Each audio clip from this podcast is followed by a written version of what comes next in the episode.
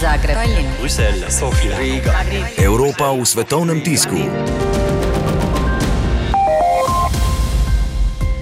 Potem, ko danes v Madridu poteka kongres evropskih socialdemokratov, na katerem razpravljajo predvsem o prihajajočih evropskih volitvah, v španskem El Paisu objavljajo intervju z vodjem politične skupine socialdemokratov v Evropskem parlamentu, Nemcem Udom Bulmanom.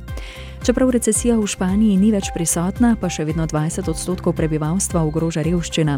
In kot je predlagal Bulman, bi morali Španci povečati minimalne plače, da ljudje ne bi bili odvisni od subvencij države, pač pa bi sami lahko zaslužili za dostojno življenje. V ameriškem The New York Times pišejo, da se crkva že leta sooča škandali zaradi zlorab otrok strani duhovnikov.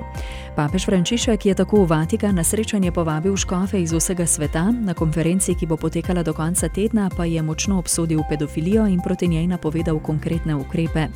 S papežem pa so se včeraj želele srečati tudi žrtve zlorab, a so jih sprejeli le člani organizacijskega odbora. V britanskem The Times pišejo o številnih poslancih, ki zapuščajo laboristično stranko Jeremija Corbina in konzervativno stranko premijejke Theresa May.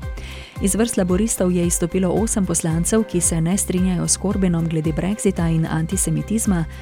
Tri poslanke iz vrst konzervativcev pa pravijo, da je brexit stranko preveč spremenil. Oboji so se pridružili novi stranki neodvisnih. O brexitu pa danes tudi v nemškem Frankfurter Allgemeine Zeitung.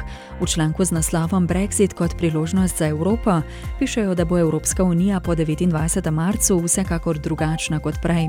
Bruselj pa še vedno, tudi kar se tiče brexita, zagovarja uresničitev štirih temeljnih svoboščin Evropskega enotnega trga, torej prosti pretok blaga, oseb, storitev in kapitala, ki pridejo v paketu in ne po delih. Milano, Zagreb, Tallinn, Bruselj, Sofija, Riga. Evropa v svetovnem tisku.